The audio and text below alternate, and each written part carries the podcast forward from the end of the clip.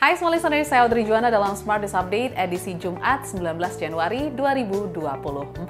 Semua listeners, Menteri Koordinator Bidang Kemaritiman Luhut Binsar Panjaitan mengungkapkan pemerintah berencana untuk mendongkrak pajak kendaraan sepeda motor yang menggunakan bahan bakar fosil.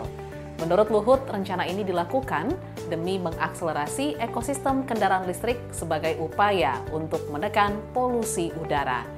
Ia menjelaskan pajak sepeda motor yang tinggi nantinya bisa dialokasikan untuk subsidi transportasi publik seperti LRT dan juga kereta cepat. Berita selanjutnya, pemerintah Provinsi DKI Jakarta memberikan waktu satu minggu untuk peserta pemilu dimulai dari hari ini 19 Januari untuk merapikan alat peraga kampanye demi keamanan dan kenyamanan serta keselamatan pengguna jalan.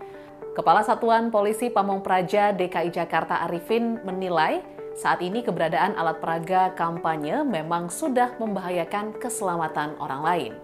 Pendapatnya ini juga didukung dengan ketentuan KPU. Berita terakhir, Asosiasi Peritel Indonesia mendesak pemerintah untuk membuat regulasi bisnis jasa titip alias Justip dari luar negeri. Ketua Umum Aprindo, Roy Mande mengungkapkan Fenomena bisnis just tip ini merupakan bisnis yang ilegal karena tidak masuk dalam jalur resmi dan tidak dikenakan biaya pajak. Dengan adanya bisnis just tip tersebut, orang-orang lebih banyak untuk membeli produk dari luar negeri daripada membeli di toko yang sebenarnya ada dijual di tanah air. Sekian berita hari ini, sampai jumpa dalam Smart News Update berikutnya.